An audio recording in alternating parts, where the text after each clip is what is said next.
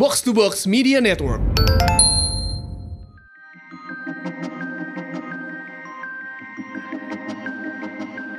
Di episode kali ini, gua dengan Mas Septiaji Eko Nugroho atau mungkin yang kalian kenal dengan Mas Zack. Kita ngobrolin tentang misinformasi atau mungkin kalian taunya ya berita hoax gitu ya. Kita ngomongin berita hoax COVID-19 di Indonesia dan berita-berita hoax lainnya. Tentunya kita juga akan ngomongin tugas-tugas Mavindo sebagai 3FPC-nya Facebook. Nah, penasaran kan? Makanya dengerin episode ini. Halo semua pendengar Box to Box, selamat datang kembali di podcast Nyaman di Sosmed, persembahan Facebook Indonesia dan Box to Box Media Network bersama gua Andre Francisco. Dan di episode kali ini eh, temanya yang kita ingin obrolkan mengenai misinformasi atau mungkin yang kalian tahu tuh berita-berita hoax gitu ya. Dan tentunya siapa lagi kalau kita mau ngomongin berita-berita hoax ya, eh, pastinya kita undang orang yang sangat berkompeten dan memang kerjaannya tuh ngurusin berita-berita hoax gitu ya di Indonesia ini ya. Siapa lagi kalau bukan Pak Septiaji Eko Nugroho selaku Ketua Presidium Mavindo. Halo Pak, apa kabar Pak? Halo, apa kabar? Baik, ini saya enaknya panggil Pak atau Mas nih biar lebih santai gitu atau gimana?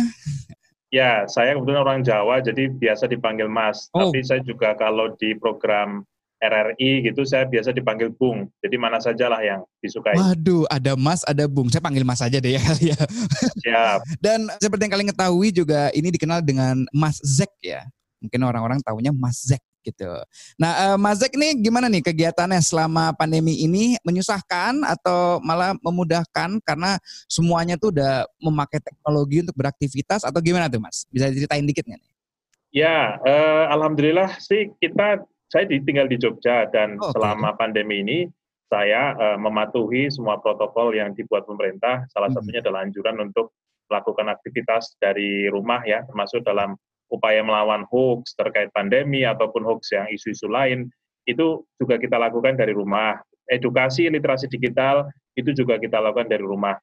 Nah, di tengah pandemi ini ada beberapa kegiatan yang sepertinya berjalan seperti biasa ya, seperti upaya fact checking atau periksa fakta. Iya. Itu karena eh, sebelumnya upaya kita juga kolaborasi secara online ya, secara daring. Jadi misalnya melalui grup WA ataupun juga melalui grup Facebook kita punya namanya Forum Anti Fitnah Hasud dan Hoax. Saat ini ada 80 ribu member di sana. Jadi kita bahu-membahu di sana secara online ya untuk Oke. melawan hoax di Indonesia. Tetapi memang ada beberapa kegiatan yang tidak bisa kita lakukan lagi karena pandemi. Sebagai contoh, kita biasanya kan turun ke sekolah, Iya. ke tempat-tempat publik, kemudian Ah. ke masjid, ke gereja. Nah, kegiatan itu yang saat ini tidak bisa kita lakukan lagi dan mau tidak mau kita bertransisi menjadi model edukasi secara online juga. Demikian. Tapi gini ya Mas ya, eh, selama 2020 ini ya kan seperti yang kita ketahui berita hoax ini kan nggak cuman dari adanya era teknologi meningkat gitu ya. Dari zaman dulu pun tuh ya misinformasi-misinformasi tuh ada-ada aja ya. Di tahun 2020 ini banyaknya atau peningkatan berita hoax tuh seberapa tinggi sih Mas? Kayak ada nggak sih catatannya gitu? Dari mungkin Mas Zack bahwa oh berita hoax tuh kayak meningkat atau makin banyak aja berita-berita hoax yang ada. Apalagi kan terkait COVID-19 ini kan banyak banget ya mulai dari teori-teori konspirasi lah segala macamnya itu tuh ada nggak sih mas kayak catatannya gitu bahwa peningkatan berita hoax dari dulu sampai sekarang ini tuh? Ya, kalau kita lihat dari catatan yang kami miliki, itu sejak tahun 2016 ya Hmm. eh, sampai sekarang, itu ada kecenderungan jumlah hoax itu eh, meningkat ya setiap tahunnya. Kalau misalnya kita lihat di tahun 2019 itu hoax banyak karena ada momen pemilu 2019 ya, di mana ah iya iya eh, proses eh, pemilu itu juga cukup panas gitu ya, itu juga rame disertai dengan berbagai hoax. Nah, masuk di tahun 2020, jumlah hoax itu juga meningkat sangat drastis, khususnya terkait dengan isu COVID-19. Kami mencatat kalau di tahun 2020 ini, sejak akhir Januari ya, 2020 sampai sekarang, di bulan Agustus, itu ada lebih dari 500 hoax terkait dengan COVID-19, tepatnya ada 575 itu belum termasuk dengan hoax yang di luar COVID-19 ya. Mm-mm. Kalau di total mungkin bisa lebih dari 700 hoax. Artinya kurang lebih masyarakat itu terpapar dengan 2 sampai 3 hoax setiap harinya. Hmm, wow, gila ya sebanyak itu 700. Itu itu itu luar biasa tinggi ya. Sebagai Iya, contoh iya, mungkin iya. perbandingannya kita sempat dijadikan salah satu objek penelitian oleh para peneliti dari Hmm. berbagai negara yang meneliti tentang hoax COVID-19. Itu ada yang menulis bahwa Indonesia ini adalah peringkat lima dunia yang Tingkat lima dunia. ya di mana hoax terkait dengan COVID-19 itu tinggi. Wow, gila ya. Indonesia peringkat kelima dengan 500 berita ya, Pak ya. Dengan kalau catatan kami 500 ya, eh, kalau Kominfo men- mereka mencatat ada lebih dari 1000 ya, karena mungkin me- metode pencatatannya beda. Hmm. Tetapi yang kita khawatirkan adalah bahwa fenomena misinformasi, disinformasi, malinformasi terkait COVID ini sudah berdampak serius ya terhadap upaya penanganan pandemi di Indonesia. Jadi angka itu juga sekaligus menunjukkan volume Ya. eh, dan juga viralitas ya, viralitas yang sangat tinggi karena isu-isu terkait COVID ini kan isu-isu yang bagi banyak orang itu menakutkan, membuat emosi. Nah, itu juga mendorong tingkat penyebaran yang cukup luas ya, cukup cukup masif gitu. Oke Pak, sekarang kita berbicara tentang Mavindo nih ya. Mavindo kan ini sudah menjadi anggota 3PFC-nya di Facebook. Iya. Nah mungkin eh, Mas Zek bisa jelaskan sedikit tuh 3PFC itu apa sih dan tugasnya tuh kayak gimana sih? Ya, eh, 3PFC atau third party eh, fact checker ya. Ini adalah pihak ketiga pemeriksa fakta, yaitu organisasi periksa fakta atau media yang tersertifikasi AFCN, yaitu International Fact Checker Network, yang bekerja sama dengan Facebook untuk melakukan periksa fakta terhadap konten yang ada di platform Facebook. Oke. Jadi kalau misalnya ada laporan dari masyarakat tentang suatu konten yang viral dan dinilai diragukan kebenarannya, maka kami selaku 3PFC itu bisa melakukan pengecekan Hmm. dan kalau iya termasuk dalam konten yang salah, menyesatkan atau hoax, maka eh, pihak ketiga 3PFC ini itu bisa menandainya atau melakukan flag sehingga orang lain yang membaca konten tersebut eh, tahu kalau konten ini sudah dinyatakan salah oleh pihak periksa fakta. Oh, Demikian juga ketika ada orang yang ingin share, misalnya sebuah status, sebuah video atau foto, maka platform akan mengingatkan apakah ia akan tetap share karena menurut periksa fakta konten ini sudah dinyatakan salah. Demikian gambarannya. Oh begitu ya, Mas Zek saya mau nanya deh, kan Mas Zek udah banyak nih melihat berita-berita hoax yang ya Mas Zek dan tim tentunya memilah-milah mana yang emang dikeluarkan dan segala macamnya. Kalau tentang COVID sendiri tuh berita hoax yang sering muncul tuh apa ya Mas?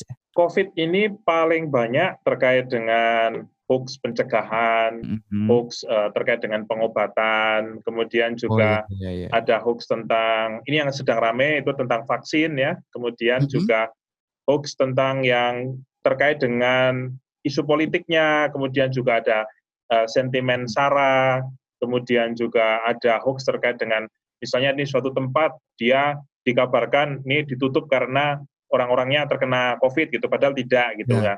Yang semacam itu ya. Jadi jenis-jenisnya ada beberapa macam. Hmm, dan untuk mencegah dan menanggulangi hal seperti itu kan Mavindo juga ngebuat website ya untuk ngecek-cek hoax gitu segala macamnya. Kalau nggak salah namanya ayo lawan covid19.id gitu ya Mas ya? Ya, itu kita sebenarnya punya beberapa kanal ya yang bisa Hmm. diakses oleh masyarakat Ya. kalau mereka ingin mengecek apakah informasi ini hoax atau tidak. Jadi yang pertama adalah situs Hmm. eh, utama kita adalah sebenarnya turnbackhoax.id. Oh oke, turn Eh, back hoax. Oke. Ya, ini adalah situs di mana semua artikel periksa fakta terkait dengan segala macam isu kita kumpulkan di sana. Nah, Hmm. Artikel ini kemudian juga kita sebarkan melalui kanal-kanal media sosial ya, seperti di Oke. Facebook, kemudian juga di Instagram, juga di Twitter. Nah, sekaligus juga kita punya namanya chatbot di WhatsApp ya. Mungkin masyarakat Oh, perlu tahu juga bahwa kalau mereka dapat informasi yang mereka ragu, mereka bisa nanya langsung ke WhatsApp ya. Nomornya itu adalah 0859 2160 0500.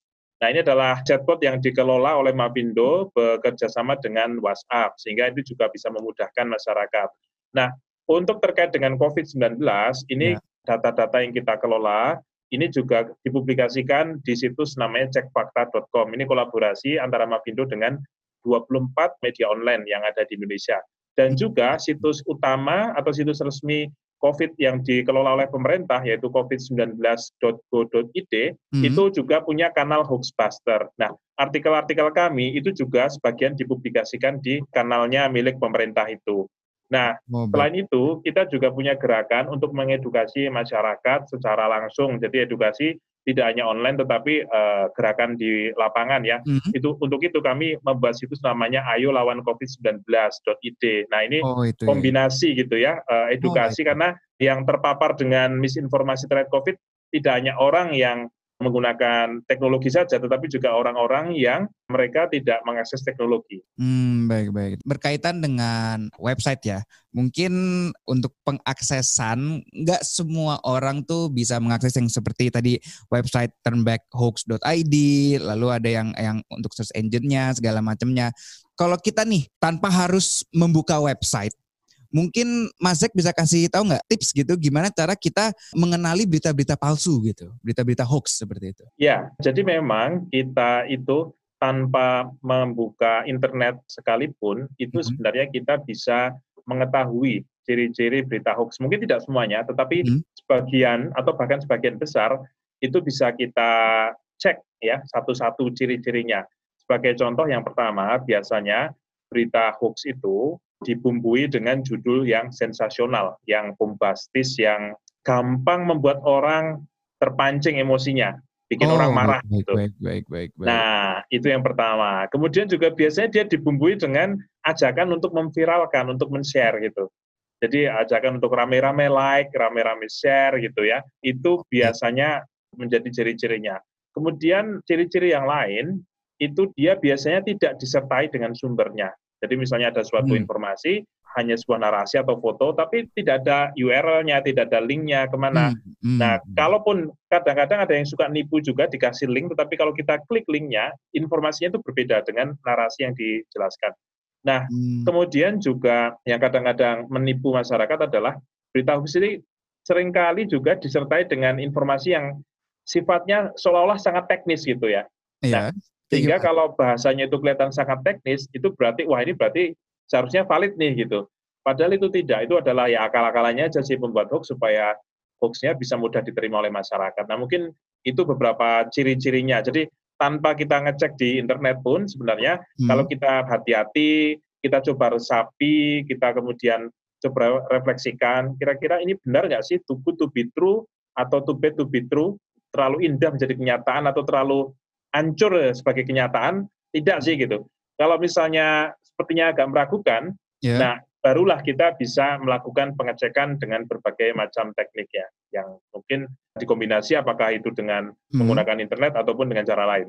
Oh, tapi kan kalau misalkan saya nih sebagai pengguna, sebagai user ya, pengguna internet, saya melihat sebuah berita yang kayak, wah ini kelihatannya ada hal-hal aneh nih di berita ini nih. Kita sebagai pengguna internet ya, eh, user, itu melaporkan atau memberitahunya itu seperti kayak gimana ya? Kayak kita harus ke siapa, harus ke mana, prosesnya bagaimana gitu. Kayak kita melihat sebuah berita, yaitu misalkan kita mengatakannya ada, wah sudah ada obat untuk COVID-19, apa segala macam. Ya kita tahu kan kayak, wah ini beritanya bahaya nih. Nah, kita harus lapor ke siapa dan gimana sih caranya gitu kita ngelaporinnya untuk berita-berita yang semacam seperti ini gitu. Ya, pelaporan itu adalah bagian yang penting uh, untuk dipahami oleh para pengguna platform ya, media ya. sosial yeah. ataupun juga aplikasi percakapan. Jadi kalau ketemu ya dengan konten-konten yang kita ini ragu atau mm-hmm. bahkan kita yakin kalau ini sepertinya ini hoax ini, ini eh, yeah. atau 90% saya yakin ini hoax itu. Nah, itu bisa dilaporkan ada beberapa jalur. Yang pertama, kalau kita menemukannya dalam platform, misalnya ada di Facebook gitu, ya, kita bisa lapor ke Facebook karena Facebook mereka punya yang namanya standar komunitas, yaitu menentukan konten-konten apa yang layak atau boleh tampil di platform Facebook dan okay. ada konten-konten yang tidak boleh tampil ya, seperti contoh hoax yang kemudian menyesatkan, yang bisa membahayakan orang itu kan jelas dilarang oleh platform. Hmm. Nah itu bisa dilaporkan ke Facebook. Jadi setiap konten yang ada di Facebook misalnya atau juga di Instagram itu di sebelah kanannya itu nanti ada tombol kalau kita klik itu nanti ada pilihan menu untuk melakukan pelaporan. Nah, oh, di sana kalau kita klik maka uh, akan muncul beberapa opsi. Kenapa Anda ingin melaporkan konten ini? Apakah dia spam? Apakah dia iya, konten yang menghina ataukah uh, dia ini adalah konten palsu? Nah, itu hmm. itu bisa kita pilih sehingga kita bisa berpartisipasi juga untuk melaporkan konten-konten yang kita anggap menyesatkan kepada platform untuk ditindaklanjuti. Kasus kemarin kan misalnya seperti video uh, di salah satu selebriti ya, ya, uh, ya video itu sebut, profesor ya, gitu. Iya, um, profesor. Nah, itu kan mengklaim obat ya, dan itu kan berbahaya. Nah, hmm. waktu itu masyarakat atau netizen kan rame-rame itu melaporkan, dan itu jalan. Hmm. Uh, beberapa platform baik, baik, kemudian baik. merespon dengan menghapusnya. Nah, yang kedua, masyarakat juga bisa melaporkan kepada organisasi periksa fakta ataupun media-media yang melakukan periksa fakta. Khususnya kalau kita bicara di sebuah platform seperti Facebook, itu e, masyarakat perlu tahu ada tujuh organisasi yang saat ini bekerja sama dengan Facebook ya untuk melakukan e, periksa fakta. Seperti contoh kalau di Mavindo, masyarakat bisa lapor ke Mavindo e, melalui berbagai macam cara, melalui misalnya Facebook. Kemudian ya, akun Facebook kita itu bisa di uh, kirimi pesan gitu ya untuk sebagai sarana pelaporan. Ataupun juga melalui Instagram bisa DM ke kita gitu ya untuk kemudian kita bisa tindak lanjuti. Ataupun juga melalui Twitter dan juga yang kanal WhatsApp yang tadi saya sebutkan itu juga bisa digunakan untuk sebagai sarana untuk pelaporan. Ya, jadi itu ada beberapa jalan ya untuk bisa masyarakat untuk terlibat melaporkan konten-konten yang dianggap hoax ataupun meresahkan masyarakat. Hmm, baik, baik, baik. Sebenarnya saya melihatnya jika anak-anak muda ya, seperti kita-kita ini, kalau untuk ya menelaah, melihat bahwa berita ini tuh adakah uh, kecurigaan atau segala macamnya itu kita lebih tangkas lah dalam menghadapi dan melihat bahwa ada something fishy aja ini di berita ini. Cuman kan tentunya ada beberapa kalangan yang masih kurang paham gitu loh dalam menganalisa menganalisa berita-berita hoax yang ada ya di Indonesia ini gitu. Dari Mavindo melakukan apa untuk mengedukasi masyarakat agar nggak mudah membagi-bagikan juga beritanya, terutama nih ya um, ada kalangan-kalangan yang ngelihat dari sharean WhatsApp aja kayak wah ini beneran nih apa apa langsung di share ke kontak-kontaknya banyak apa segala macam gitu kan. Terus tiba-tiba ya jadi viral jadi apa? Karena share-sharean grup dari grup satu grup dua grup tiga. Nah itu Mavindo tuh ya mengedukasinya tuh seperti apa sih biar mungkin bisa lah terjangkau ke semua kalangan kalau perlu gitu. Ya, jadi untuk edukasi itu salah satu poin penting ya karena faktor penyebaran hoax ini kan kami nilai karena literasi digital masyarakat yang belum merata. Hmm. Jadi eh, ketika misalnya ketemu dengan beberapa kalangan memang eh, ada yang mungkin mengalami kesulitan ya untuk membedakan antara berita bohong dan tidak. Nah, untuk itu kita membuat berbagai program edukasi ya ke masyarakat, baik secara offline sebelum pandemi biasa kita lakukan, namun di tengah pandemi ini, ini kita mulai transisi melakukan edukasi secara online. Dan kita juga produksi video-video edukasi ya, yang bisa okay. ditonton dan bisa di-download oleh masyarakat ya.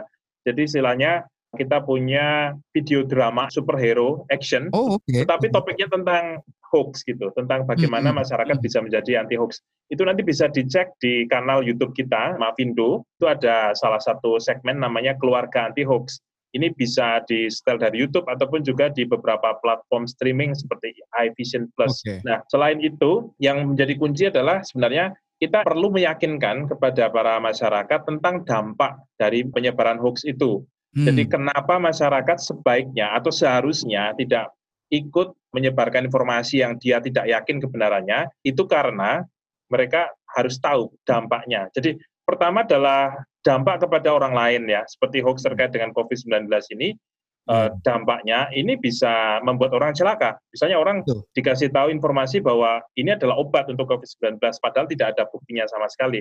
Nah ini hmm. kan gawat kalau orang yang kemudian terkena COVID, kemudian wah saya udah punya obatnya nih, saya akan selamat gitu. Padahal malah bisa celaka. Malah lebih celaka. Kemudian juga ada juga hoax yang kadang bisa membuat pertikaian di masyarakat. Ya seperti contoh ada hoax yang menyebut bahwa ini loh COVID-19 ini adalah bisnisnya rumah sakit dan juga oh, para iya, tenaga iya, iya. kesehatan. Saya itu, iya saya pernah dengar itu.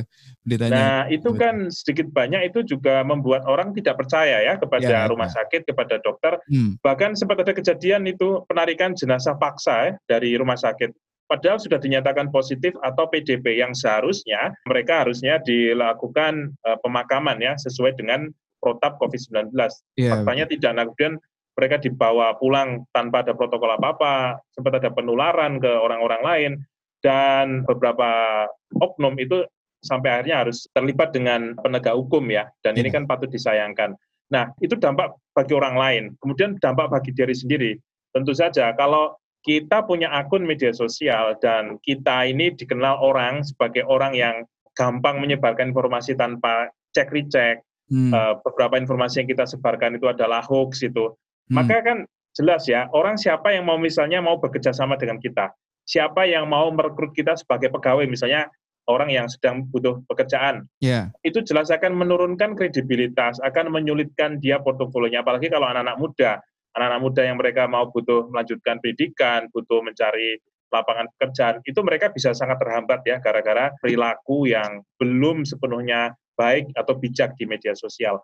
Dan tentu saja karena beberapa hoax yang mengarah kepada keonaran itu juga dilarang ya oleh negara dengan Ya. beberapa peraturannya termasuk Undang-Undang ITE, Undang-Undang KUHP, bahkan Undang-Undang Nomor 1 tahun 1946 Oke. eh, itu ancamannya tidak main-main. Jadi kalau kita menyebarkan informasi yang bisa meresahkan orang lain, bisa membuat onar, itu secara hukum itu bisa dilakukan tindakan pidana. Jadi saya rasa ini beberapa hal yang perlu kita edukasikan ya kepada masyarakat bahwa Betul. apa yang kita tulis atau kita unggah di media sosial itu semua ada kewajiban untuk bertanggung jawab demikian. Betul betul. Oh ya, Mas Zek, aku kemarin sempat baca nih ya Mas ya. Mavindo itu menjadi narasumber dalam forum kantor staf presiden di Yogyakarta. Nah, itu ceritanya gimana tuh, Mas?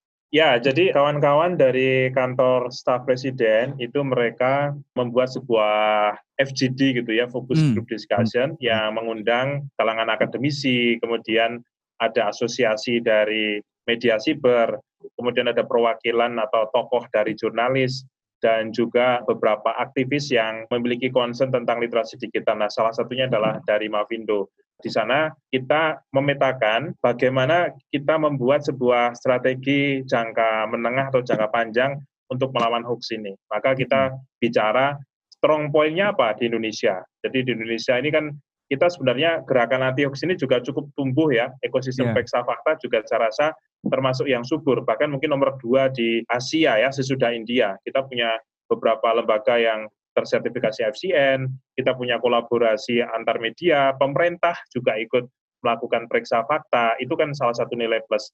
Tetapi kita juga punya weakness ya, punya punya kelemahan. Kelemahannya adalah adanya polarisasi di masyarakat yang kadang-kadang menyulitkan kita untuk menyampaikan informasi yang benar.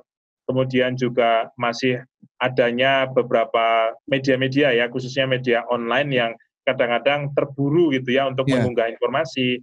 Nah, eh, itu semua kita petakan, kemudian kita membuat sebuah rumusan. Ini idealnya ketika kita akan melawan hoax, strateginya seperti apa. Nah, waktu itu sih yang kita buat adalah kita meyakini bahwa melawan hoax ini membutuhkan strategi yang komprehensif. Jadi eh, strateginya tidak bisa parsial, harus komprehensif. Baik itu upaya periksa fakta, kemudian upaya edukasi yang menyeluruh, kemudian upaya mengajak para tokoh-tokoh masyarakat ya untuk berperan aktif sebagai agen anti hoax. Ini juga sangat penting di tengah masyarakat Indonesia yang terstruktur atau yang hierarkis ya. Masyarakat kita Ya. ini kan berbasis ketokohan.